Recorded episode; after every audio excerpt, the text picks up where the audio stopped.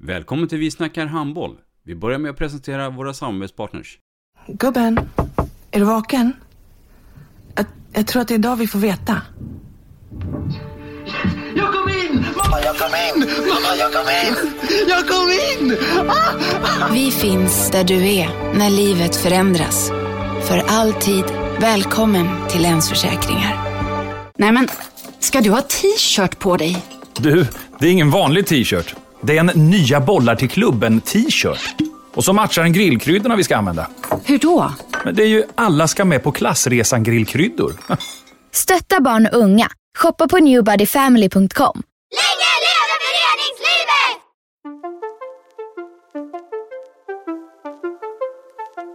Välkommen säger vi till dig som lyssnar till den nya handbollspodden Vi snackar handboll med Robban Z och Erik Larholm. Vi snackar handboll, där du får veta alla sanningar som du inte visste att du missat. Vi snackar handboll. Idag i programmet Vi snackar handboll, Erik, välkommen förresten, så har vi ju en fantastisk gäst som kan handboll på sina tio fingrar. Eller tror du något annat? Nej, det tror jag inte. Och framförallt är det väl mittsexspelet som hon eh, kan en hel del om. Nämligen Anna Rapp. Välkommen! Tack så mycket, kul att vara här. Du, Anna Rapp Ljungdahl, född 21 juni 1972. Vem är det? Oj, det var ju en jättebred fråga. Ja, ta oss från början. Jag, jag håller mig till handboll då, är det okej? Ja, det Bör, bör, börja hur, hur egentligen allting startade och framförallt, eh, vem är du? Eh, jag är... ehm, ja, du kan ju räkna ut hur gammal jag är, så det tänker jag inte göra själv. Eh, men jag är en eh, Stockholms eh, tjej som eh, växte upp på Söder. Eh, gick i Sofia skola och eh, när jag gick i ettan så kom det två stycken eh, glada tjejer och frågade om man inte ville börja spela handboll. Min mamma spelade handboll, min mormor spelade handboll. Så eh, det var klart att man sa ja till det. Eh, Sofia skolas eh, gympasal var inte stor, det fanns inga handbollsmål. Eh, så där började vi kasta boll. Eh, första året, seriespel. Eh, Kommer ihåg att eh, de andra sa till mig att jag skulle skjuta hela tiden för att jag tydligen vid sju års ålder var väl den som kunde hålla i bollen eller något. Eh, vi förlorade alla matcher. Jag tror jag vann skytteligan, gjorde tre mål, tyckte handboll var jättetråkigt. Jag ville inte skjuta. Eh, min pappa träffade en pappa från Skuru i Nacka simhall eh, som sa att hon kan få komma och kasta boll med våra tjejer istället. För där finns det många som vill skjuta. Ehm, så då, ehm, det var ju ingen värvning då, jag var väl kanske åtta år. Ehm, fick åka till Skuru och vara med i bollskolan där. Tyckte det var ganska roligt. Så där började min, eh, min handbolls, handbollsbana. Och mamma är en för detta handbollsspelare. Mm. Mm. Vi kommer till det längre fram i programmet. Jaså? Det kan jag lova dig. Oj då. Du, eh, ska vi reda ut det här med Ljungdahl Rapp också då? Mm. Eh, jag hette ju Anna Ljungdahl eh, ända till jag gifte mig. Mm. Eh, och där bytte jag till eh, min mans efternamn.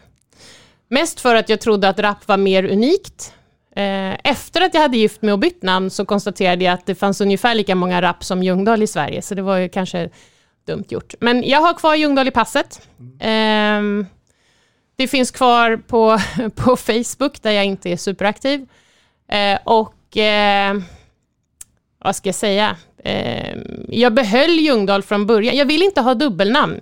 På, på den tiden när jag gifte mig så, så tyckte jag att det var lite så här mesigt med dubbelnamn. Att, man inte, att det visade att man inte vågade välja.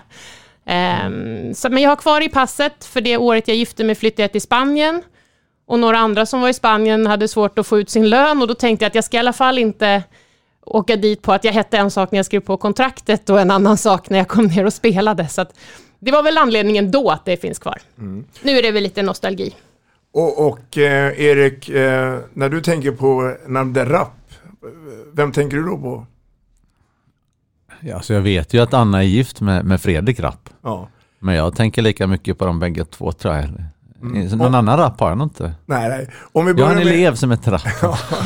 om, om vi tar Fredrik här då. Det, det är alltså då, om vi bara, jag, jag tänkte mest vara formell, så är det då mannen i ditt liv eh, och även tillika ordförande i Svenska Handbollförbundet. Ja. Och sen har ju du och Fredrik skaffat barn Ja. under resans gång. Japp. Och då undrar jag i alla fall, eh, jag tror att Erik eh, hänger nog på, men det måste vara mycket, mycket handboll i de här fyra väggarna där ni bor. Eh, ja, nu är vi ju, vi, vi pratar inte jättemycket handboll hemma.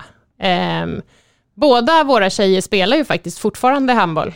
Ehm, men vi var väldigt inne på att de skulle göra en, liksom inte spela handboll för, för vår skull, eller för min skull framförallt. Men eh, när Sofie då, som är född 03, började i handbollsskolan, ehm, så var det ju ganska naturligt att man blev liksom föräldratränare. Så då tog jag den rollen. Och då fanns Anna Rame Gransten. Hon hade sin Lova i samma ålder, så det var ju jättekul. Då fick jag hänga med min kompis och vi fick träna små eh, Eh, knattar i handboll tillsammans med, med några fler eh, föräldratränare. Ehm, och det gjorde jag ända tills Sofie blev A-flicka. Och då hade Fredrik då gjort samma resa med Matilda, vår lilla eh, tjej då, som är 05. Ehm, och eh, man kan väl säga att Matilda är svårare att vara föräldratränare till än Sofie. Jag och Sofie, vi bråkade aldrig om någonting. Matilda hade åsikter om det mesta ehm, och, och har ett ganska mycket mer, um, man ska man säga, hon, hon, hon brydde sig lite mer när det inte gick så bra. Och det var lite jobbigt hemma ganska långa stunder. Så att jag gick väl ner och försökte hjälpa till på 05 sen då när, ehm, när jag tänkte att nej, men nu ska Sofie inte behöva ha sin mamma längre, eh, när hon blev A-flicka. Så jag var med en sväng i, i, i 05 också.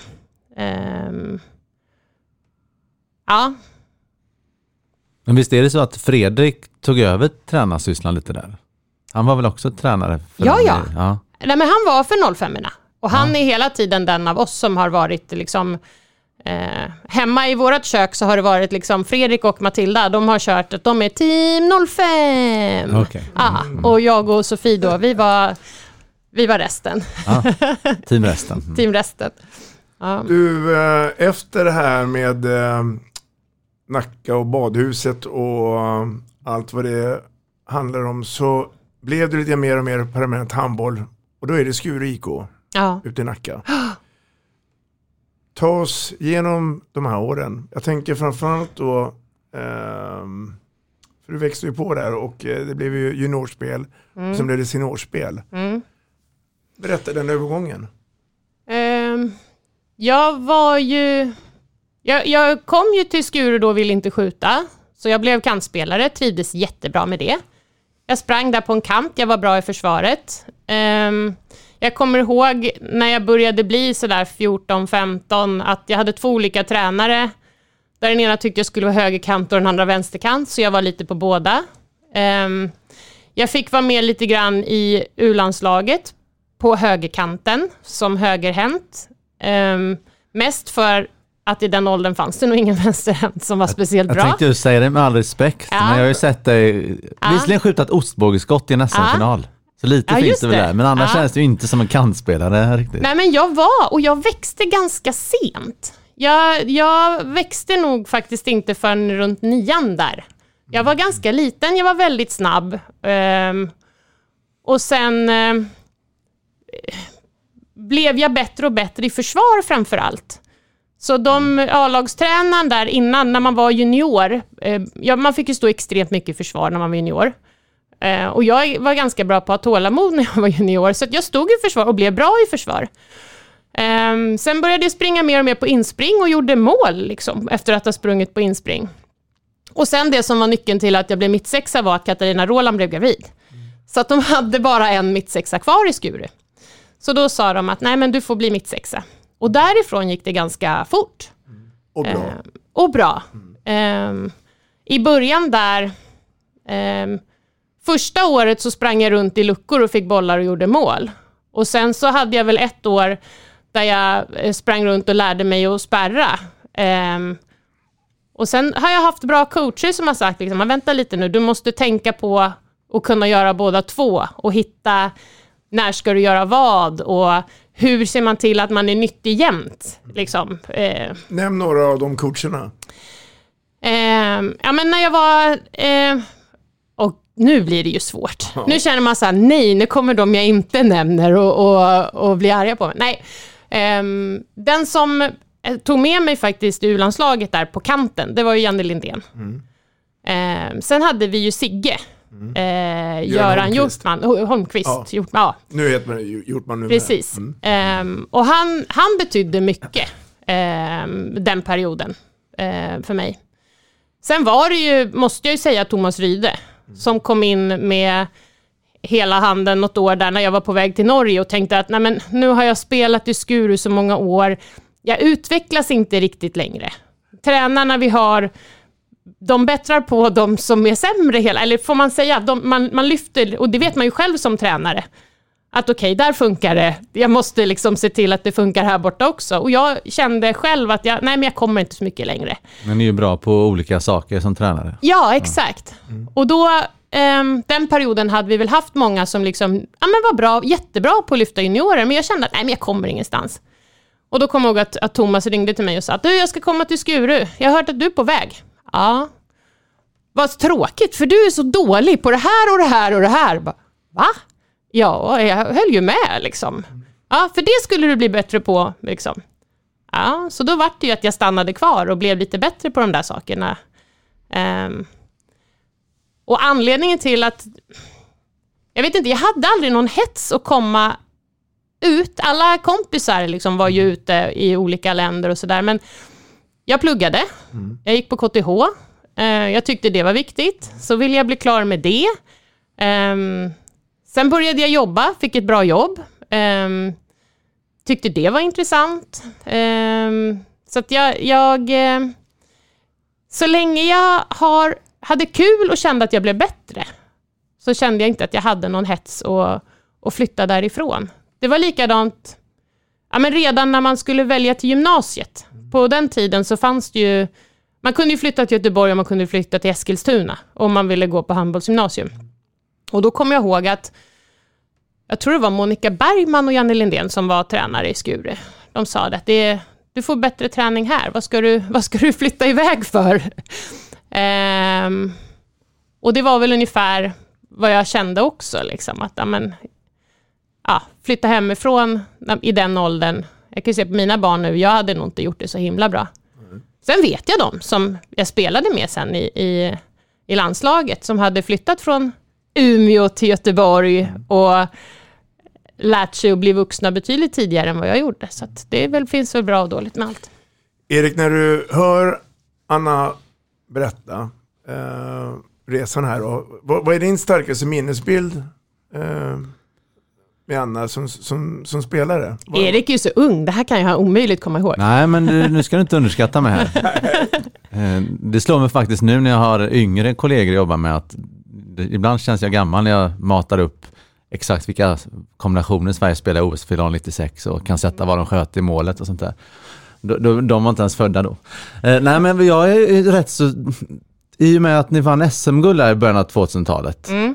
Eh, så är det ju relativt starka minnen. Och jag såg ju dig, jag flyttade ju upp själv från Göteborg till Stockholm, till Skuru, Mm. när du var där. Mm. Så att det finns ju en hel del. Eh, Det starkaste är något som jag jag kanske kommer in på sen handbollsmässigt, men det är ju ledaregenskaperna. Mm. Och som mittsexa. Jag har bilder framför mig där, man, där du går upp flertalet gånger och tar frikast och pratar och pratar med anfallsspelarna och du vänder dem till målvakt och du vänder det till försvarsspelare när det är något ni ska diskutera försvar mer än kanske någon annan mittsexa gör det. Ja, undantag landslagsspelare möjligtvis. Och det är något som är, kan vara värt en tio minuter att diskutera senare kanske. Men det, det är starka minnen just för att med mittsex, eh, ni pratade mittsex med Thea här alldeles Mm. nyligen och just det här att som mittsexa vara deltagande i spelet och förstå spelet och, och faktiskt säga till niorna om saker och ting. Där Mm. jag undrar om inte jag kan sträcka mig så långt att jag nog inte sett någon mittsexa som gör det så som du gjorde. Mm. Mitt starkaste Det är starkt minne, ska jag ja, säga. Och, och mitt starkaste minne av, av dig Anna är ju, eh, och jag, jag drar lite paralleller med en annan Anna. Jag tänker på Anna Lagerqvist och jag tänker på Anna Rapp också som försvarsspelare. Mm. För att där var det så att det var som en dörrvakt stod där som trea. Mm. Det var svårt att ta igenom eh, dig. Jag vet inte om du håller med om det, om, om du älskar att spela försvar. Ja, absolut. Jag, jag ehm, tyckte nog att försvar var minst lika roligt. Ehm, och ehm, ja, jag, jag har ju... Jag, att bli jämförd med Anna Lagerqvist nu, det tycker jag är ju väldigt hedrande. Ja. Ehm, jag tror att fotarbetet på henne kanske slår mitt lite grann då. Det är lite Men olika typer, ni uppnår nästan samma saker men Ja. på olika sätt Ja. skulle jag vilja lägga till. Bra sammanfattning Ja. faktiskt. Eh, Anna, Men, men jag måste få nämna i det här, Ja. för i landslaget, när jag var trea där, Mm. eh, då hade ju jag Madde Olsson som trea kompis. Mm. Och henne, henne tror jag inte att jag petar ner från den tronen, för hon, hon var min hjälte. Hon, hon var nog en av de bästa treorna som jag har spelat med, eh, om man tänker ö- överallt. vi kommer till det. Mm. Eh, det blev Skure fram till 2001. Sen fick Mm. du för dig att ta en sväng till Spanien. Ja. Berätta. Ehm, ja, men då var jag ju, liksom, började bli lite äldre. Ehm, då var det ju inte supervanligt att, att liksom, eh, skaffa barn och fortsätta spela. Ehm, så att det kändes här som att ja, men det är nog lite på slutet nu. Det kan vara kul att, att ha gjort någonting annat. Ehm, och Spanien, och lära sig ett nytt språk. Ehm, och sen dessutom så Åsa var ju med i samma klubb, så det var någon man, man kände dessutom. Ehm, klubben låg på, eh, vi, eh, på Kanarieöarna. Så, och det var ju också en lite så här, bortamatcherna i Spanien, liksom, en resa varannan vecka och sen resten av tiden få lära känna Kanarieöarna som svensk. Det, det, det lät ju väldigt, väldigt eh, kul och bra. Men det blev en säsong bara. Ja, Hur kan det komma sig då? jag passade inte riktigt till att vara proffs tror jag. Jag hade ganska tråkigt. Kanarierna tog stopp. Ja, nej men vi, vi tränade på morgnarna. Eh, två timmar varje morgon. Och vi tränade två timmar varje kväll. Ehm, nej, vi tränade varje morgon måndag till torsdag. ehm, ska jag säga. Och så hade vi ledigt fredag morgon. Och sen var det då träning fredag kväll också. Om det inte var bortamatch, för då åkte man på fredagen upp till Spanien. Eh, och så var det matcher på helgen. Och eh, mellan då den här morgonträningen och kvällsträningen så var det ju liksom en väldigt mycket tid. Och jag, jag kommer ihåg Åsa och Klaus, de var så jäkla bra på att ligga på stranden liksom. Men jag, jag, Fredrik var ju med i, i perioder, han var hemma och jobbade också. Men vi var inte riktigt där liksom. Så jag har en kompis som jobbar på bokförlag, hon skickade ner bok, eller kartonger. Jag tror den tidigaste versionen av Playstation var väl född. Det, man kunde ju bara se sport på spansk TV, för spanskan var inte tillräckligt bra. Hade det funnits sådana här språklärarappar så hade jag ju liksom varit en, en språkknarkare. Det är ju nu. Liksom. Håller jag ju på med den här Duolingo-appen och lär mig alla möjliga språk, för att jag tycker att det är kul. Vi hade spanska lektioner två gånger i veckan. Det gick så otroligt långsamt. Och som var, måste jag säga, att handbollen var ju mängd. Vi tränade jättemycket. Eh, men kanske inte på det sättet man var van vid. Vad tränade ni för något alla de där timmarna? Var det bara boll eller var det olika typer av träning? Nej, det var ju fys. Vi var på gymmet två av de här morgnarna. Och eh, första gången på gymmet så skulle vi ju göra ett test. Och då skulle man göra ett test på hur mycket man vik- eh, lyfte. Eh, tre gånger tror jag. Och det var ju rimligt. Det var bara det att det här... Nästa gång man kom dit, då var programmet att man skulle göra 30 och 40 repetitioner. Och det är ju någonting som vi aldrig, aldrig, aldrig har gjort. Vi höll ju på hemma då i alla fall med att göra liksom maxstyrka och liksom tungt och explosivt och få. Um, och de tittade på oss och sa det här går inte. Så vi skrev ju till och med, eller ringde hem till Peppe Jonsson som var förbundskapten då och bad honom säga till, för vi skulle spela ett VM i Spanien där, nej VM i Italien där eh, i december, att vi skulle få köra landslagets träningsprogram. Och de var ju mycket skeptiska, men eftersom det då var vår förbundskapten som hade sagt så fick vi göra det. Och när vi hade sprinttester, kom ihåg man låg på linjen i handbollshallen och sprang till halva plan. Jag var ju snabbast och kunde inte begripa det, jag som, liksom, som, som lyfte så tungt. Men det- där tror jag att de har utvecklats ganska mycket. Jag tror de, de också fick sig en tankeställare. Liksom. De, de tränade helt annorlunda när vi kom ner dit. Sen hade vi ju löpträning och där kan jag ju säga att hon som var spansk, om hon var junior någonting, på 3000 meter spelade ju i laget. Så det var ju rätt bra tempo på, på intervallträningarna. Och det var Hell Week hette det varje år tydligen. Då skulle man springa i de här dynorna nere i Maspalomas. Upp och ner, upp och ner, upp och ner. Och något pass skulle man springa längs stranden 45 minuter bort och sen 45 minuter tillbaka framför alla turister. Jag kommer jag och Åsa sa det, hoppas det inte är någon man känner här. Men fan, det är så här, det, vi är verkligen idioter. Springer omkring här när folk ligger och, och solar. Liksom. Men, eh, bra upplevelse och när vi kom till VM så minns jag att eh, Thomas Ryde som var med då, han sa det att det, det, du får säga vad du vill om, om handbollen. Du har blivit bättre. Så det är tydligen, mängd funkar också. Det, det var liksom det, det lilla testet där. Att det var, det, ja. Ja, en härlig berättelse Mm. Ja. faktiskt. Ehm, men resan går tillbaka till eh, Sverige och Nacka. Mm. Och där är vi då mellan 2003 och 2005. Mm. Och det blir också en framgångssaga med Skuru. Mm. Jag tänker på svensk mästare. Ja. Ehm, vi vann ju första gången precis innan jag drog iväg där, 2001. Ehm, och då var ju det det största som ja, hade hänt i mitt, eh, min karriär i alla fall. Ehm, sen kom vi tillbaks... Det var inte Globen då va? Vad sa du? Det var inte Globen Nej. första gången man Nej, utan det var där, nej, nej, det var ja. hemma. Mm. Hemma mot Sävehof. Mm. Eh, det kommer jag ihåg tydligt. Och Globen var senare. Globen var 05 Ja.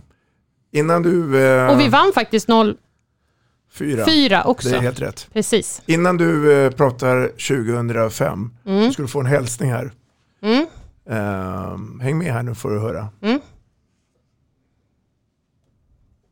Hej Anna! Eftersom ni säkert ska prata om SM-finalen i Globen så kan du ju berätta vad vi hade för gemensam hemlis som vi kom underfull med att vi hade på hotellrummet innan matchen. Eh, sen vill jag bara passa på att säga att jag uppskattar verkligen vår vänskap som vi har idag. Katarina Gryffi, tidigare Arvidsson. Mm. Ska vi börja med... Eh, Hej Katta! ja, hon har, hon, har, eh, hon har lagt på nu. Ah, va? Eh, Men hon kanske lyssnar ja, om hon det- vet att hon får vara det med. gör hon säkert. Ja. Du, eh, ska vi ta den här hemligheten då, som ni hade kvällen före SM-finalen? Ja, det var ju spännande. Ehm, vi, man, man checkar ju in på Globen hotell då, när det var bara en, det var första gången som det bara var en final. Ehm, och vi checkar in där och eh, ja, vi känner ju varandra väldigt bra. Så vi, och vi hade dessutom eh, våra första barn, Ronja och eh, Sofie, hade ju varit med oss hela den här resan liksom och var väl vid det där laget två, typ. Ehm, och sen så på hotellrummet då, så, nej men jag måste säga någonting, ja jag måste också säga någonting, okej jag är gravid, ja jag med, ja liksom. Eh, ja men då, då ser vi till att de här bebisarna får ett guld då liksom. Det var väl eh, lite så som det, eh, som vi, vi sa där på hotellrummet. Och så var det ju lite den här eh, finalen, man mår ju, eller jag i alla fall, mådde ju rätt bra mina graviditeter. Men just de här första liksom, tre månaderna så är man lite, ehm, Down. lite down. Det är lite jobbigt allting. Ehm, finns säkert någon eh, fysiologisk förklaring om att man ska dela blodsystem och allting, men det var, det var jävligt jobbigt att springa de där metrarna. Så att, eh, ja, jag minns att det var, eh, det var väldigt nära att det blev en förlängning. Du Eh. spelar väl i princip nonstop om inte jag minns fel också? Nej, men jag var tvungen, i andra halvlek när vi börjar, så tror jag spelar två eller tre minuter. Och sen ser jag stjärnor, så jag bara nej, jag måste byta, det här går inte. Um, och det var också, tränaren tittade på mig, vad fan, okej. Eh, och så satt jag ett tag, sen, var det ju liksom, sen gick det över. Men um, Ja, jag, jag, kommer ihåg att jag, jag tror att Kattan, eh, Kattans bebis var bättre än min bebis den matchen. Men eh, nej, vi slet och eh, det gick ju, det gick ju vägen. Ehm, på ett, med ett nödrop där. Det var så att Mm. eh, jag var också där. Det Mm. var ju Skövde HF som var på Ja. andra sidan. Mm. Jag såg också den matchen minns jag. Ja. Mm. Och eh, Skuru vinner med 1, 24-23. Okej. Skövde har ju chansen att kvittera. Ja. Ehm, men... Eh, Nej, jag kommer Löfberg- ihåg att jag sa till Patti innan, nu tar du den här straffen, jag pallar inte en förlängning. Jag, jag sa nog kanske inte jag pallar inte en förlängning, men jag, jag tänkte det. Och så här, se till att ta den här nu. Mm. Så gjorde hon det. Ja, det var en, eh, Mm. en drama. Ja. Eh, och jag förstår att det var en glädje, eh, för det är ju ditt tredje SM-guld där.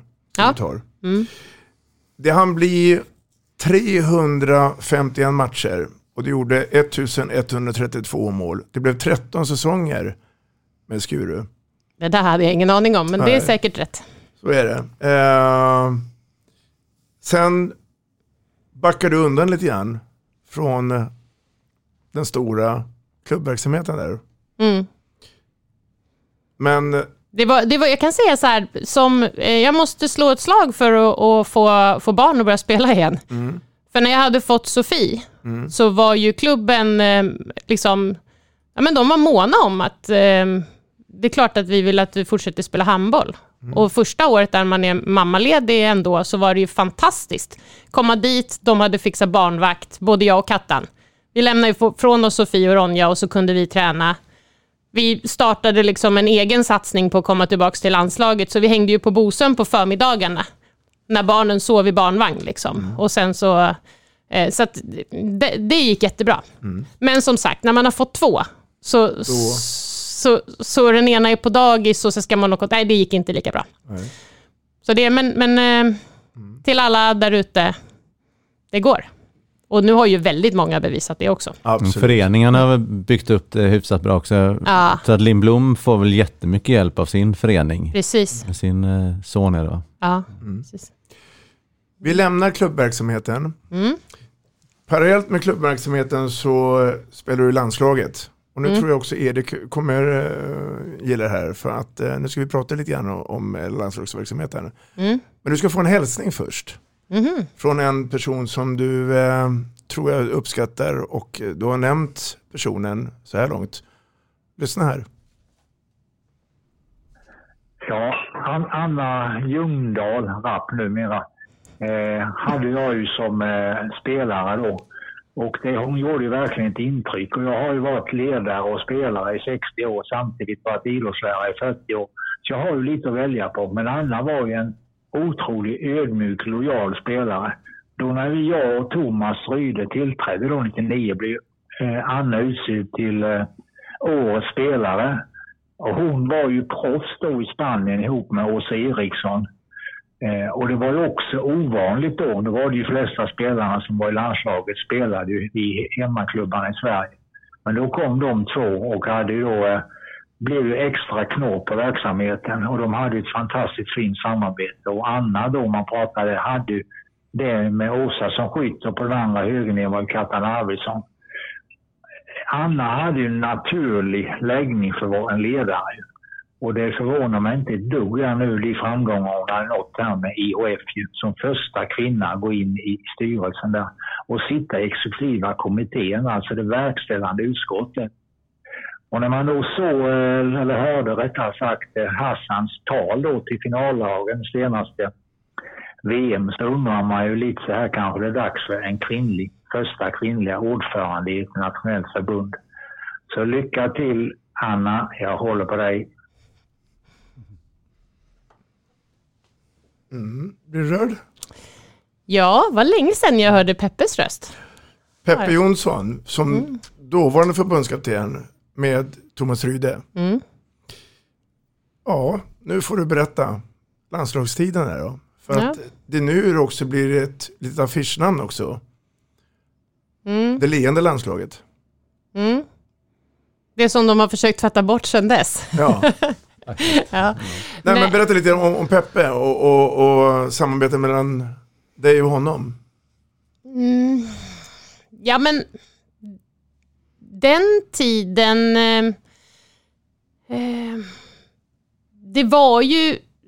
Vi var ju någonstans under alla andra... Det fanns en massa topplag och så fanns en massa bottenlag och så skvalpade vi någonstans där i mitten. Och vi, kom, vi missade en massa mästerskap eh, den där perioden och det var så otroligt bittert och eh, en ganska seg period, eh, minns jag, till vi kom till VM 2001 på den här äh, målet i sista sekunden i Zwickau. Mm. Äh, ja, till skillnad från Erik ska jag ju säga att jag är ju extremt dålig på att komma ihåg matcher jag har spelat själv, matcher jag har sett.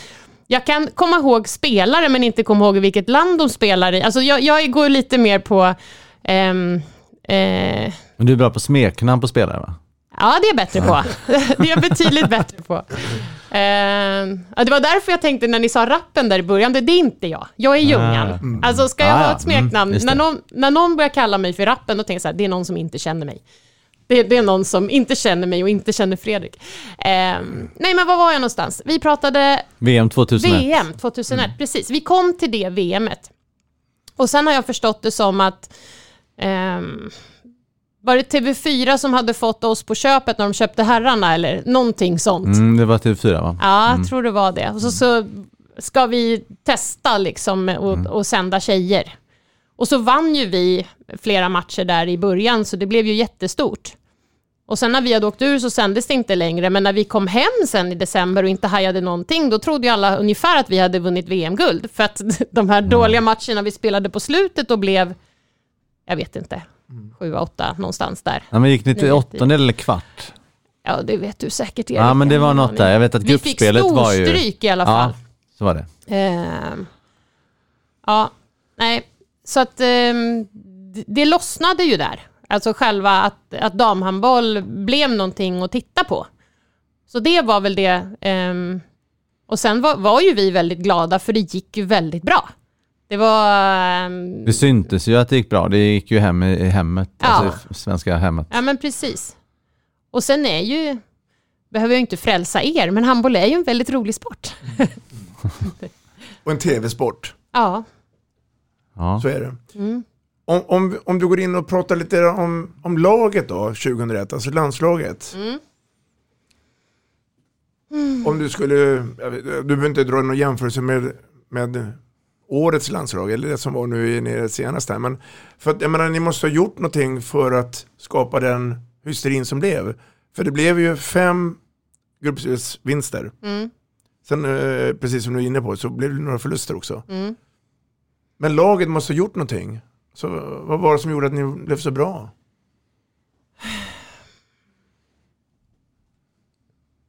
Anna tänker. Ja, Anna tänker. Det blir tyst i podden. Det händer inte ofta att hon tänker, så vad kommer det komma för intelligent nu? Um, nej, men jag tror att vi bara trivdes tillsammans.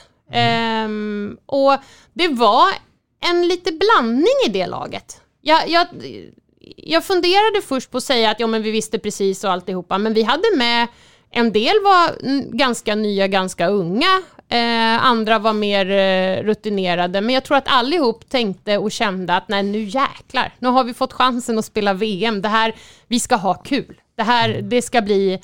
Eh, vi ska göra något roligt av det här för oss. Sen var ju vi inte alls eh, medvetna i början om vad, att folk tittade på tv hemma. Det var ju först när man kom hem och ja, men som Fredriks mamma frågar mig om saker på en handbollsplan som aldrig har sett liksom en, ja, hon tittade på andra idrotter kan jag säga, hon tittade knappt på idrott överhuvudtaget. Men mm. det var så här, vänta, har du suttit vid tvn och tittat på, på handboll? Mm. Det, jag, jag, tror att vi, vi tog den, den chansen där och sen så tror jag att det började bra och så blev det liksom ett, ett sånt, eh, vi kan ju slå de här också. Mm. Jaha, nu ska vi spela mot de här. Men ni hade ju ingenting att förlora när ni gick in i det VMet. Och det Exakt. var väl lite det som var känslan att det är en sån klassisk underdog-grej, mm. att man, man gör allt man kan. Ja. Och då får man fram också allt man har. Ja. Och ni spelar väl, kanske inte den här matchen åkte ut då Nej. och någon till, men de flesta matcherna var väl på ert max? Ja. Var känslan. Mm. Och det är ju bra att träffa en sån i ett VM. Mm. Var, var det, tror du Erik att det här var någon brytpunkt internationellt för Sverige, det här mästerskapet? Ja, alltså media fungerar som det gör och får man fram ett sånt leende landslag som slog igenom rutan och så, då, bara där var ju något vunnet. Men sen var det också att man var i VM och allt det här med att få tjejer att börja spela handboll och sponsorer och hela det paketet. Det är klart att ringa på vattnet är ju ett uttryck som man definitivt kan använda. Jag minns det som att, att det var stort. Och att eh, när det sen, minns jag inte alla VM och EM sen dess, men att när det sen gick sämre no några gånger så var det en besvikelse för att man visste att det kan ju bättre. Mm. Mm. Så att det började sätta sig. Liksom. Håller du med Anna? Ja. Det blev ju ett till mästerskap sen, eller det blev ju, eh, jag tänker på det som var EM 2004, för det var det sista. Mm. Ehm, och då blev det inte samma succé. Nej. Totalt så hade vi då 160 landskamper, Mm. 307 mål. Mm. Är det någon landskamp som du vill måla upp? Den här kommer jag aldrig glömma av de här 160. Mm. Ja, med min guldfiskhjärna så är det ju någon landskamp jag kommer ihåg. jag, jag, dessvärre, jag kommer ihåg min hundrade måste det ha varit. Är det, då, det var då man blev stor tjej va? Ja. Då spelade vi mot några och spelade jättedåligt i Partillehallen. Det kommer jag ihåg. Nu sitter du och tittar på din lista där. Vilka var det vi spelade mot? Jag ser faktiskt inte det. Nej, men okej. men eh, jag, jag ska försöka se om jag kan måla ikapp tiden Ja. och se det. Men, men, eh, men jag har ju många minnen av, av bra matcher du har gjort. Då. Jag, jag kommer inte kunna Mm. rabbla upp alla här. Då. Men, men jag tänkte mest om det var någon händelse som, när det gäller spelande Anna, som du Mm. minns då. då. Men det kanske är då eh, under den tiden Lena landslaget. Ja. Jag, jag minns att jag, att jag valde att lobba över Hollands målvakt som var typ tre meter lång i den här äh, jättejämna matchen mot Holland i VM 2001. Det är en sån här grej som jag kan tänka, den gick in, men jag tänkte hur fan kunde jag välja just det avslutet just där? Och det är faktiskt ett av få avslut som jag har sett i, i efterhand också. Det är en sån här, du vet, när man, när man, när man tänker tillbaka och, och funderar på ja, hur, man, hur man gör saker och ting. Det är så här, okej, det kan ju bli bra även om man, om man tar kanske fel, fel beslut. Men det är en sån som jag kan fortfarande tänka på. Här är jag, där är hon. Nej, men jag lobbar. Eh, Jag ska säga det Robin, att 160 landskamper i och med att ni missar ganska många mästerskap där man Mm. rätt snabbt kommer upp i ett Mm. antal är ju Mm. väldigt mycket med tanke på att det är just eh, inkluderat missade mästerskap eller hur Mm. man ska uttrycka sig. Så för, för yngre lyssnare som inte har sett eh, Anna spela eller så, så jag vill trycka på igen att att Lagerqvist och de här nu, de är lite bättre på att fånga bollen och snabbare fötterna hit och dit. Men just de här alltså professionell, professionalismen på banan, att alltid fick ut, det är klart att du gjorde sämre matcher, men många, många väldigt, ska man kalla det, låg, hög lägstanivå. Mm. Och att eh, alltid göra jobbet i princip eh, så bra Anna bara kan. Och det här med som jag var inne på tidigare, ledaregenskaperna. Synd att det inte finns fler matcher att titta på från förr. Beroende av lite videokassetter och sånt Har, du idag någon kontakt med de gamla medspelarna? Eller är det med sociala medier man uh, träffas? eller? Alltså jag och Kattan åkte långfärdsskridskor igår. Mm. så att, eh, eh, och vi har eh, ett gäng som eh, har bokat en resa till Alperna nu i, i vår. Får vi se om det blir av då med Mm. covid. Men det är jag, Anna Rame Gransten, Mm, Eh, Malin Mm. Karlsson, Mm. eller Dert, eh, Kikki Jansson, Målvakten? Sjöberg. Mm. Eh, och så brukar Klara hänga på de här resorna också. Mm. Eh, Västerdal, Holmgren, Holmberg, eh, som bor i Norrköping nu. Mm. Som var uppe och spelade ett par år i Skuru. Vi, har, vi är ett gäng som brukar, vi, har, vi sågs fyra av oss och gick sista milen på Lidingö loppspåret här förra veckan. Ehm, ja, jag, jag träffar en del, men det är ju, jag har ju spelat med väldigt många. Jag, om du tänker hur många, vad det nu var, säsonger jag hade spelat i Skuru som du hade, så har jag ju spelat med väldigt, väldigt många spelare i Skuru också. Så, och dessutom så är jag eh, lätt eh, ansiktsblind, så det händer ju att, att jag liksom glömmer bort vilka jag har spelat med och när framför allt. Så att min, eh, där är ju min man bra att ha, om han är med. Så bara, ja, hon var högerkant. Jaha, okej.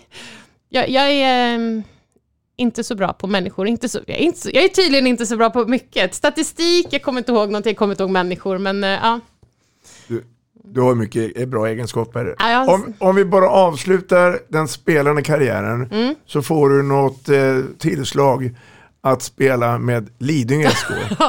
Efter att ha varit från eh, elitverksamheten. Mm. Och det är alltså då 2016. Mm. Berätta eh, hur- det kom sig att du hamnade där. Alltså jag har ju tagit två sådana dumma beslut. Jag måste nästan backa bandet till det första först. Mm. Eh, och det var när jag hade fått Matilda och var med bara som assisterande tränare i Skuru. Det hade ju varit så jäkla snyggt att kunna säga att jag avslutade min karriär med ett SM-guld i Globen. Jag hade verkligen tyckt att det hade varit, det hade varit bra. Men sen så gick jag ju in och spelade ett slutspel med Skuru där då. Vad kan det ha varit för år? Hon är född ja, 2006 eller 2007 måste det nästan ha varit. Ja, kommer inte ihåg. 2007 måste det ha varit. Ehm, och då var jag inte bra. Då var vi bland annat nere i Eslöv och nej, inte tillräckligt tränad och inte tillräckligt motiverad tror jag.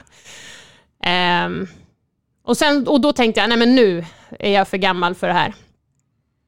Men sen så när jag började träna då tjejerna i, i Lidingö och klubben eh, hade en mittsexa som inte var på plats och de hade ingen alls och de frågade mig kan du inte och jag tänkte att nej men vad fan.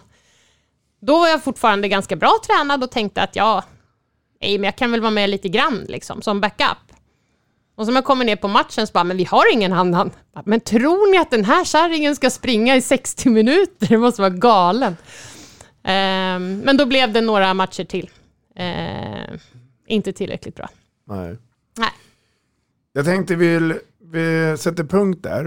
Eh, Mm. För att nu kommer vi in till eh, någonting som jag vet att ni båda två tycker om. Och eh, det är bland annat då verksamheten som att vara förbundskapten och förbundstränare. Och då Mm. kommer vi in på ledarskap. Mm. Innan vi börjar prata det Mm. så ska du få en ytterligare hälsning från en, en vän till dig som jag tror att har betytt mycket för dig under de här åren när du och Åsa jobbade tillsammans. Mm-hmm.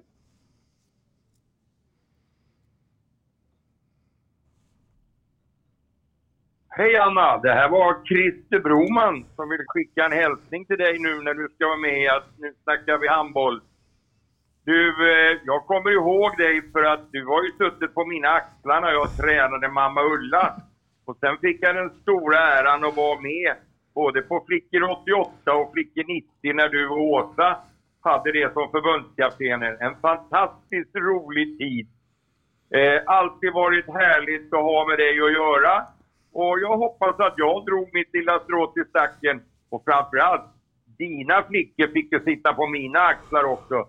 Så då gick det, det ihop ordentligt efter det tycker jag. Men eh, kul att få höra vad du har att berätta Anna.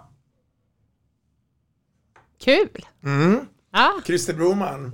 härlig människa. Ja. Jaha ni, ska vi då prata lite grann U-lagsverksamhet?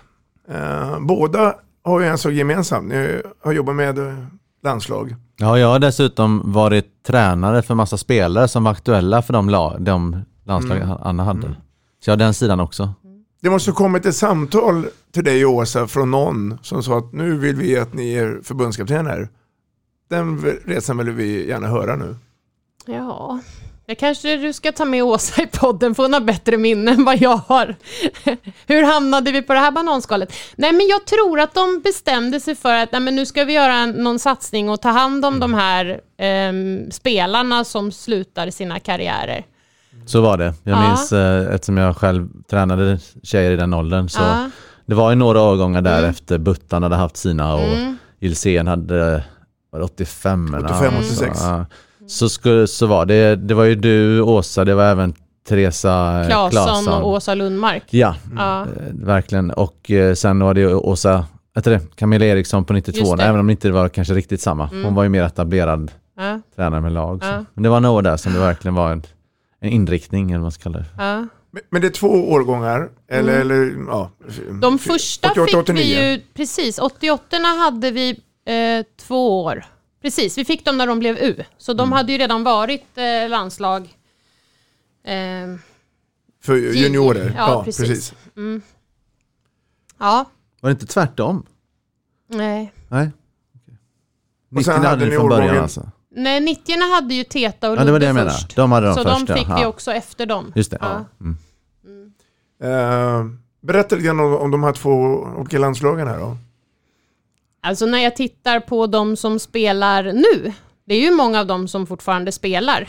Ehm, det är ju fantastiska spelare. Ska vi nämna några? Ja, men från det första gänget så, det var ju Bella, Mm. ehm, Sabbe, Mm. eh, Sabina. Ehm, vi hade, nej målvakterna var i det andra racet ja.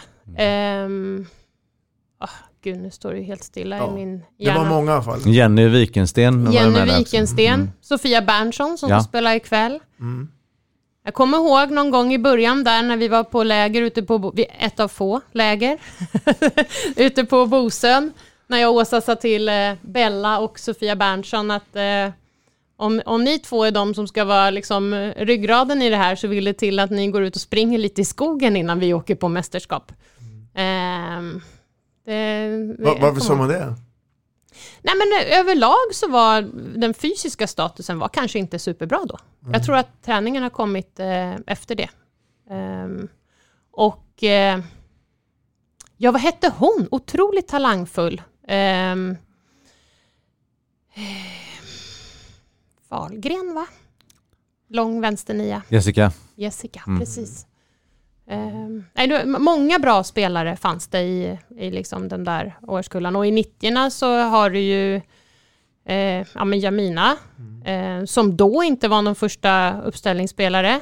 Ehm, Långt ifrån faktiskt. långt ifrån faktiskt. Ehm, Hon var högernia i SOS juniorlag och fick inte ens spela rätta positionen där minns jag i, Nej. i, SM och. Nej, och henne kommer jag, det kommer jag ihåg star, starkast förutom på handbollsplanen, det var vi var någonstans i Skövde tror jag. Och det var en boll som hade hoppat upp ovanpå någon, någon list. Och jag sa liksom, men får jag en boll så kan jag liksom kasta ner den. Och tittade hon på mig, så går hon fram och så hoppar hon upp och tar ner den. Och jag stod och tittade och tänkte så här, dit upp hade jag ju aldrig ens tänkt mig att jag skulle kunna hoppa upp och ta ner den. Så det, det var en sån här aha-upplevelse att ja, då kan man Men den 90-91-kullen var ju fantastisk Ja. med Hagman och systrarna Westberg, Ja. Bunsen i mål. Jajamän. Filippa Edén, eh, hur mycket som helst. Roxo var ju bra också många Ja. år. Framförallt bakåt till hör och sådär. Ja, nej det var ett, ett helt... När du hör Erik rada upp alla de här namnen, Mm. vad, vad tänker du då? Alltså jag kommer ju ser- ihåg dem. Ja. När jag ser dem spela så det är jag är inte så ansiktsblind och så Nej. guldfisk att jag inte kommer ihåg att jag har haft dem på väg på läger. Men, Eh, att, att, men att, att jag är ute efter att se den skillnaden då Mm. och nu måste ju vara magisk. Ja, men och det är ju det som händer från de här åren, liksom junior och U, ehm, till att bli en riktig seniorspelare. Det, det är inte samma... ehm, det går inte att förvänta sig samma saker av spelarna när de är så där unga. Ehm, samtidigt som jag tycker att det går fortare och fortare. Ehm, att unga spelare nu har liksom tagit kanske fler, fler steg på man säger, mogenhetstrappan ehm, än vad man hade gjort då. Men det, jag tyckte det var coolt. Hagman vann ju skytteligan redan när vi var och spelade UVM i Korea. Då hade de ingen skytteligatitel, men jag kommer ihåg att vi tyckte att det var jättekul, den sista matchen. Ehm, och så gör hon om det då, ett riktigt VM, ett antal år senare. Det, Vad tänker du Erik? Nej, Jag tänker att det är kul. Jag hade ju 98, 98 99 där några, rätt så många började växa in i att vara med på gränsen i landslag och, och de 90-91 vi radar upp är ju många som Dels är det kul att de spelar länge, många duktiga. Mm. Det tycker jag är jättekul, det roligaste. Eh, och sen så eh, är det också kul att se att eh, JU-landslagsverksamheten är ju emellanåt frågasatt rätt spelare hit och dit. Och ser man på både det och på de årgångar jag hade så, så är det ju rätt så många rätt, eller vad man ska kalla det för, att det faktiskt är eh, något som har gett någonting. Sen kan man ju klart att föra diskussionen vidare med, ja, om det hade varit några andra som fått chansen och känt förtroende, kanske de hade varit där. Ja, det kan man ju aldrig svara på. Nej. Men nu är det de det är och de är, är bärande idag. Mm. Så är det ju bara. Det är de som, alltså utan Roberts är inte Sverige lika bra. Nej. Exempelvis. Nej, och det kan jag säga att det vet jag att jag och Åsa hade tidigt. Vi hade liksom sagt till varandra att vi bygger ju inte för att vinna nu. Vi vill ju se till att de som vi tar ut är sådana som kommer fortsätta spela. Vi vill ju inte ha några spelare som såg liksom U-landslaget som sitt slutmål, för det känns ju lite grann som slöseri. Liksom. Eh, så det hade vi... Eh, Och med facit i handen så delvis är det rätt. För några blommar ut nu. Mm. X antal år senare. Då. ja. Men när man kanske står där inför mästerskap så vill man gärna vinna givetvis då. Men, men eh, eh, så är det ju. Eh, jag vet ju att du och Anna, eller du och Anna, du och Åsa kämpade mycket för att ha förberedelse, Mm. eh, läger och det. Mm. Jämfört med Erik då några år senare då. Jag tänker på det här med Du menar att Erik inte kämpade, eller vad var det? jag tror att han kämpar också då, Det tror med jag att få också. till möjlighet att, att träna. Ja. Men, men det är tuff, det är tuffa tider. Nej, men och det handlade ju allt om hur många man fick, ma- man Mm. fick vara. Ehm, jag vet att vi tjatade liksom, men en till eller två till, så man har liksom lite mer, ett, eh, kunna få testa några fler spelare, Ehm, några fler dagar. Ehm, jag minns när vi åkte till UVM i, i Korea, ehm, och, och, och landade liksom ungefär. Det kändes som att vi landade precis innan vi skulle spela. Och så träffade vi norska laget som sa ah, man behöver en dag per eh, timme i tidsforsell eller vad fan det heter. Fantastisk imitation av norska. Ja, men visst var det. historien. Ja, men det, det, det känns ungefär som att jaha, så jobbar ni. Ja. Så jobbar inte vi. vi. Vi är i alla fall här i tid. Liksom. Nej, men eh, det, det, det kändes lite uppförsbacke, men det, det tror jag att det har eh, eh, blivit bättre sen dess. Det är ju ett bra tag sen kan vi säga. Jag tror att man är medveten om det i alla fall idag. Mm. Alltså varenda, nu hade jag ju, eftersom jag var tränare för några av spelarna som du hade hand om, så hade jag kontakt med er via av den anledningen. Sen var jag tränare i Skuru tillsammans med Joakim Lundberg som ju hade 92orna. Så då fick jag ganska mycket insikt via honom. Eh, och sen 94 hade jag återigen spelare som Buttan hade med. Och 96 Ola, ja, där har jag lärt känna Ola. Så att jag har väl egentligen insikt i varenda landslag sen 88 Vilket är ganska många år nu. Och ska jag slå ihop allt det så är det ju att tiden andra lag har. Alltså ti- kanske, ja hur mycket har vi? Ja vi har mindre än vad många andra har. Och jämfört med typ Ungern, Norge så är det ju inte ens en liten skillnad utan det är ju dubbelt, trippelt vi pratar. Men jag tror att på senare år har man insett det och konstaterat att nej, vi kan inte vara där och frågan är, måste man vara där? Men vad gör vi istället? Det är jätteviktigt att klubbtränarna och jag vet Robban, du är alltid uppe i gymnasiefrågan alltså, på något, i något sammanhang och det kanske är en anledning till att det ska fortsätta drivas och utvecklas med gymnasiet för att det är en del av landslagsutbildningen i Sverige. Det är skillnad mot andra länder då. De två, de två senaste mästerskapen för damer A har ju gått bra. Jag tänker på OS och nu senast VM. Um, vad, vad kommer krävas tror ni för att nu hålla i det här nu? För det blir ju någon form av frukt från J och U. Vad, vad, vad, vad, är, vad är viktigt nu om ni, får, om ni skulle få vara lite bossar för svensk handboll? Då? Nej, Men om man ska säga först att det är ju självklart bra att ha bra förberedelser när man går in i ett mästerskap. Men tittar man på herrarna och det VM de gjorde i Egypten på att sitta två och två i hotellrum eller vad det nu var och inte få träna överhuvudtaget. ehm, så, så är det ju väldigt mycket basen som är det viktiga. Alltså att, att man har välutbildade spelare, det håller jag ju med om. Ehm, det är ju lättare om man har eh, vad heter det, pianot och tangenterna och sen bara trycka på dem på, ehm, på ett mästerskap. Så att det, var ju, det är ju lite det som är förbundskaptenens roll. Att se till att gruppen trivs ihop och att fixa det där sista. Men resten måste nog ske, alltså på U och, och J tänker jag, ehm, på hemmaplan. Kul att du nämner det, för det är ju det. eh, Jag hade ju förmånen att jobba på riksläger i, i augusti här nu. Mm. Eh, Eller var det? Ja, senast med 05 och fick träffa Klingvall igen. Mm. Och spelarutbildning 2.0, det nya upplägget är ju just det här att man tidigt styr utbildningen så att man är redo då när det är dags att, att kliva in. Alltså motsvarande de här dagarna laget har tillsammans. Och att det inte är någon stjärntränare som går in och kör sitt race. Alltså skulle, låt säga att du tar ett landslag igen och så Mm. går du in och kör ditt race. Mm. Då är det ju alla de där, även om det kanske är för få timmar, så är det väldigt många timmar som blir annars.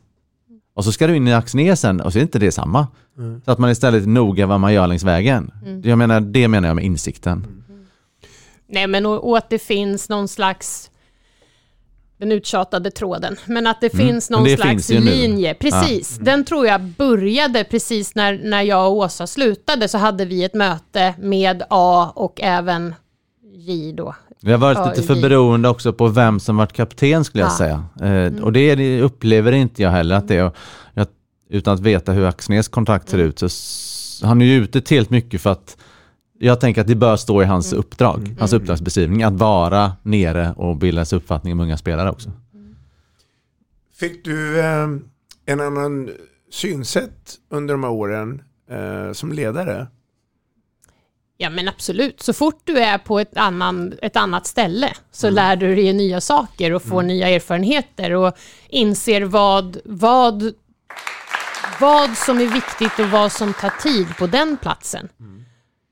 Jag kommer ihåg, vi, jag satt, vi satt ju själva och gjorde alla de här nedra-klippen. Liksom. Vi hade ju inga klippare med oss. Så man satt på natten och gjorde klipp och det var ju, man var ju hålögd till slut liksom, för att man skulle få allting att Fungera. att funka.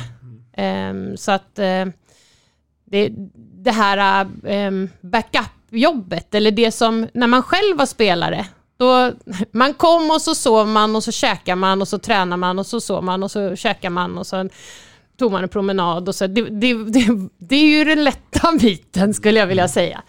Ehm, den, ehm, och så fick man lite massage däremellan också. Ehm, m- men eh, som ledare så är det ju väldigt mycket annat. Ehm, och nu de sista åren när jag har fått följa VM från insidan, då har ju jag sett till att vara med på så många domarmöten jag bara kan. Och jag har ju lärt mig otroligt mycket. Alltså det, det finns ju ehm, situationer som man kan liksom sitta och, och de är så engagerade de här domarna på mötena och diskuterar klipp och situationer där man själv sitter och känner att shit, jag har spelat handboll så här länge. Undrar jag hade, vad jag hade sagt om den här situationen liksom. Så att det är, eh, det är fascinerande att se att alla eh, att alla är liksom så professionella i det de, de gör och att det finns alltid en nivå till. Ehm, när man undrar liksom, men, vad gör ehm, vad gör den här personen eller vad gör, vad gör den här? Ehm, men domare är ju faktiskt en av, som man säger, de få som man inte har, har provat på. Ehm, Tror du att du kommer hamna som eh, ledare igen för något lag eller ett land? Eller nej. känner du att det är avslutat? Ja, det tror jag nog. Ehm, jag, jag tror att jag har hamnat ganska rätt där jag är nu. Ehm, jag, jag tycker ju att... Jag måste säga att jag tycker att ledarskapet är roligare än, än eh, handbollsdetaljerna. Det har jag nog ehm, alltid tyckt. Eller fast jag inte riktigt har vågat säga det till mig själv. Det syntes ju på plan också. När, Ja. du säger, när du säger det som du gör. Ja. Så har du ju alltid varit där. Ja. Sen vet, har du haft någon tränare som utvecklat det eller har det alltid funnits där?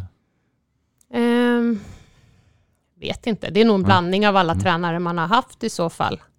Men, men ehm, jag, har varit, jag har varit chef på jobbet också, liksom. Och, och trivts bra med det och, och fått fina, liksom, fin feedback på, på det också. Men det är ju olika roller att att vara förbundskapten, där du liksom kan plocka du kan plocka liksom vad du vill ha och vara klubbtränare där du måste jobba med det du har Ja. och utveckla det själv. Eller att vara chef på ett jobb, ja men som i mitt fall på statlig myndighet. Liksom. Det, upp, laguppställningen är mer konstant kan man konstatera. Och då, det, men det handlar alltid om att få alla att tycka att det vi gör är eh, kul. Alltså det är intressant, jag gör det för min egen skull och jag vill bli bättre på det jag gör.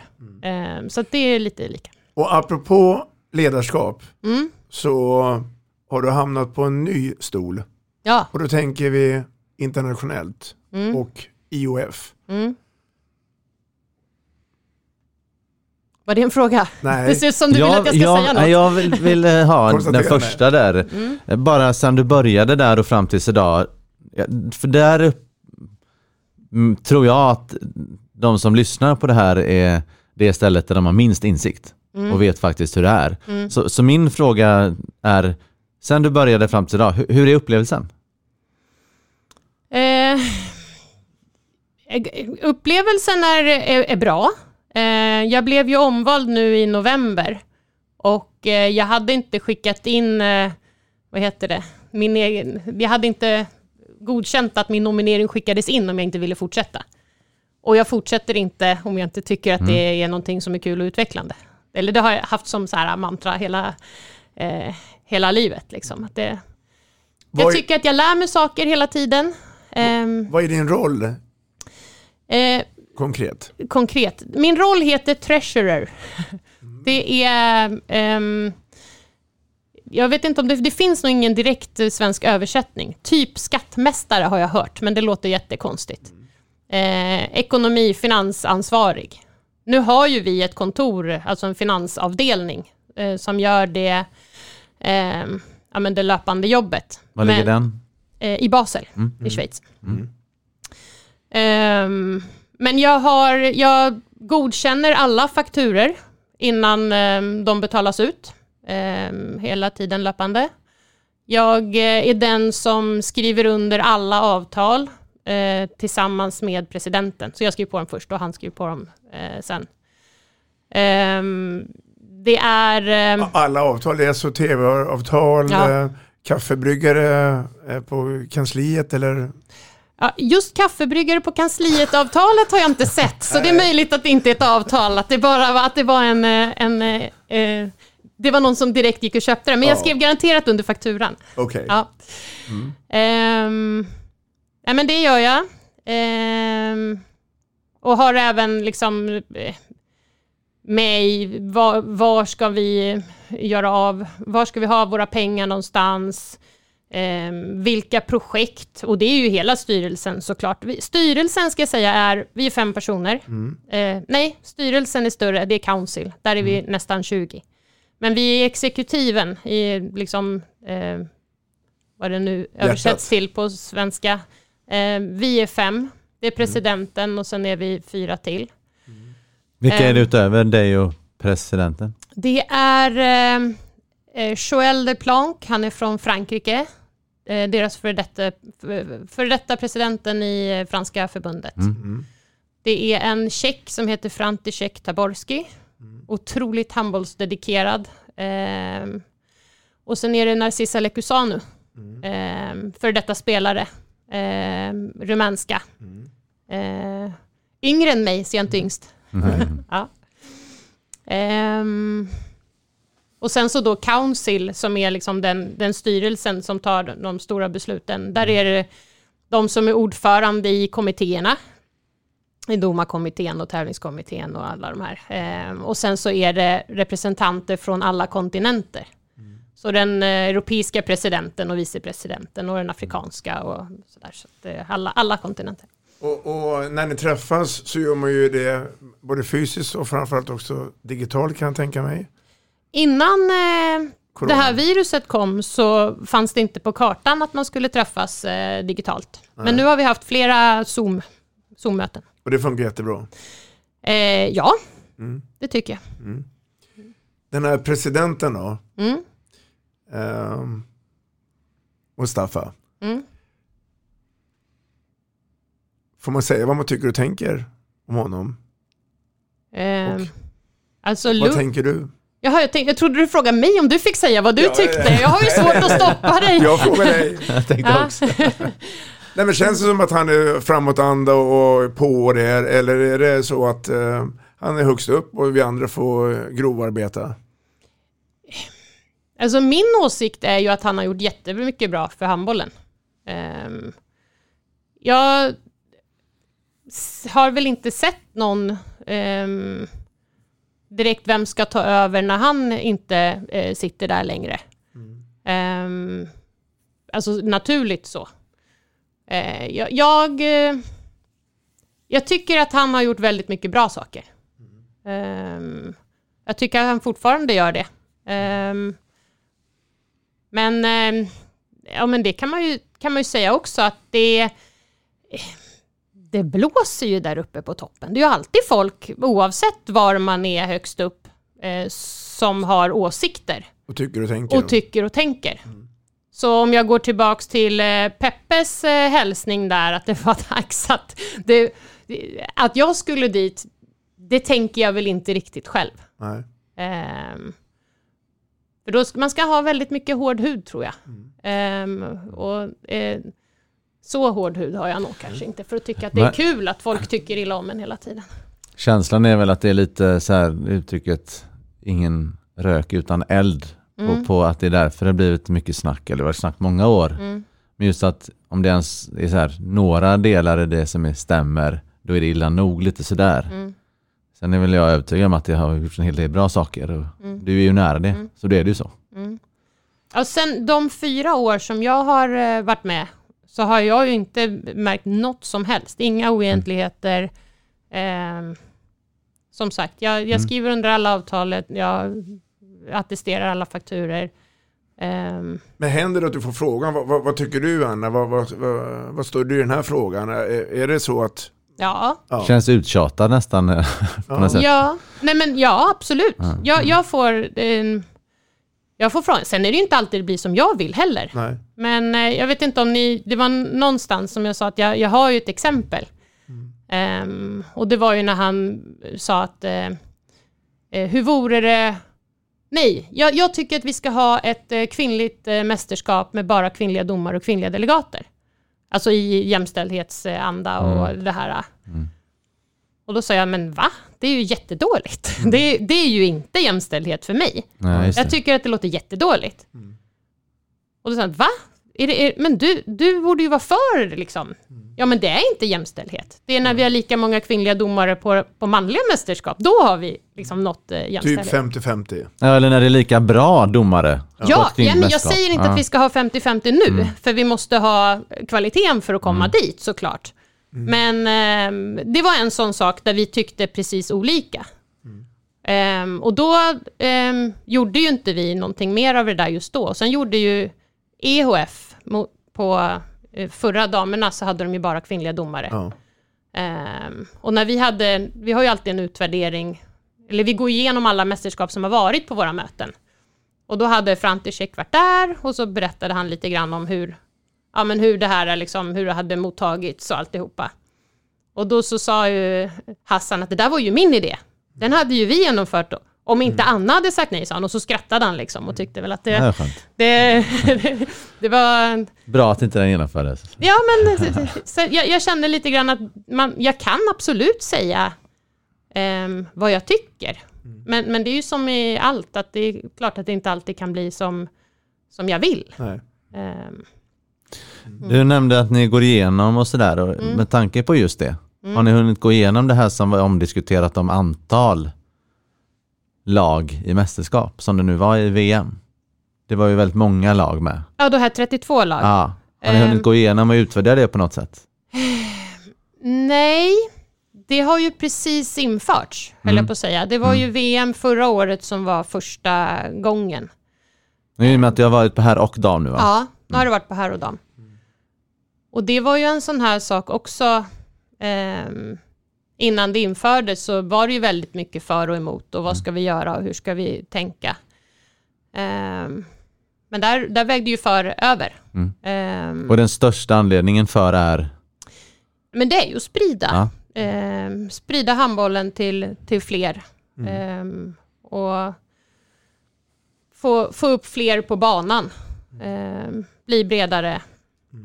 Jag vet att eh, i den ve- vevan så har det ju varit eh, diskussion kring, ja, de flesta köper liksom det resonemang, breddresonemanget, men kan man inte göra det med ett BVM istället? Mm.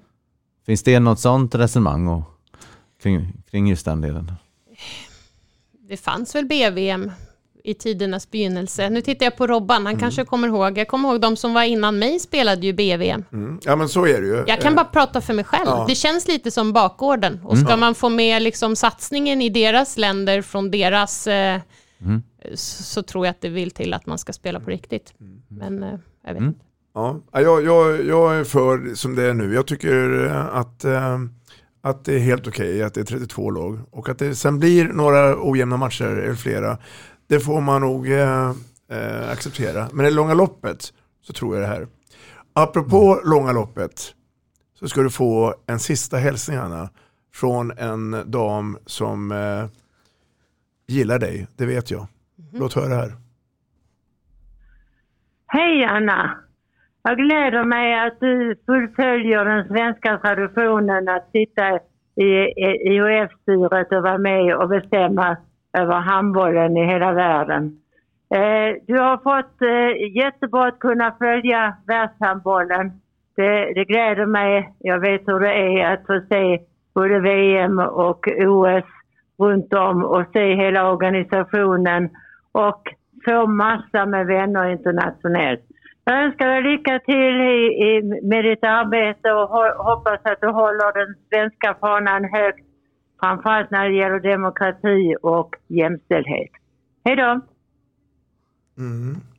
Hej Kajsa, får jag säga då, eftersom Ja. jag tror att hon kanske lyssnar. Jag, jag, jag förstår att hon inte hör mig nu Robban. Ja. Karin Nilsson Gren Ja. som har suttit på den positionen som du är nu i många, många år. Mina vänner, tiden har runnit ifrån oss. Jag säger som jag brukar säga, det har varit ära att ha haft det här Anna. Eh, och eh, stort lycka till nu framöver. Jag äh, hänger på där också. Roligt. Tack så mycket. Tack snälla. Vi snackar handboll, där du får veta alla sanningar som du inte visste att du missat. Vi snackar handboll. Vi snackar handboll produceras av produktionsbolaget High On Experience, från vision till passion. Ett avslutande tack till våra samarbetspartners. Hallå! Kommer ni eller? Ja, ja. Har du sett mina ankelsockar? De här? Nej, nej, jag menar skridskoslip till juniorlaget Ankelsockarna. Ja, men kolla bredvid träningsläger med handbollstjejerna-t-shirtarna.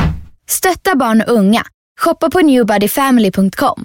Länge leve föreningslivet! Gubben, är du vaken? Jag, jag tror att det är idag vi får veta. Jag kom in! Mamma, jag kom in! Mamma, jag kom in! Jag kom in! Ah! Vi finns där du är när livet förändras. För alltid välkommen till Länsförsäkringar.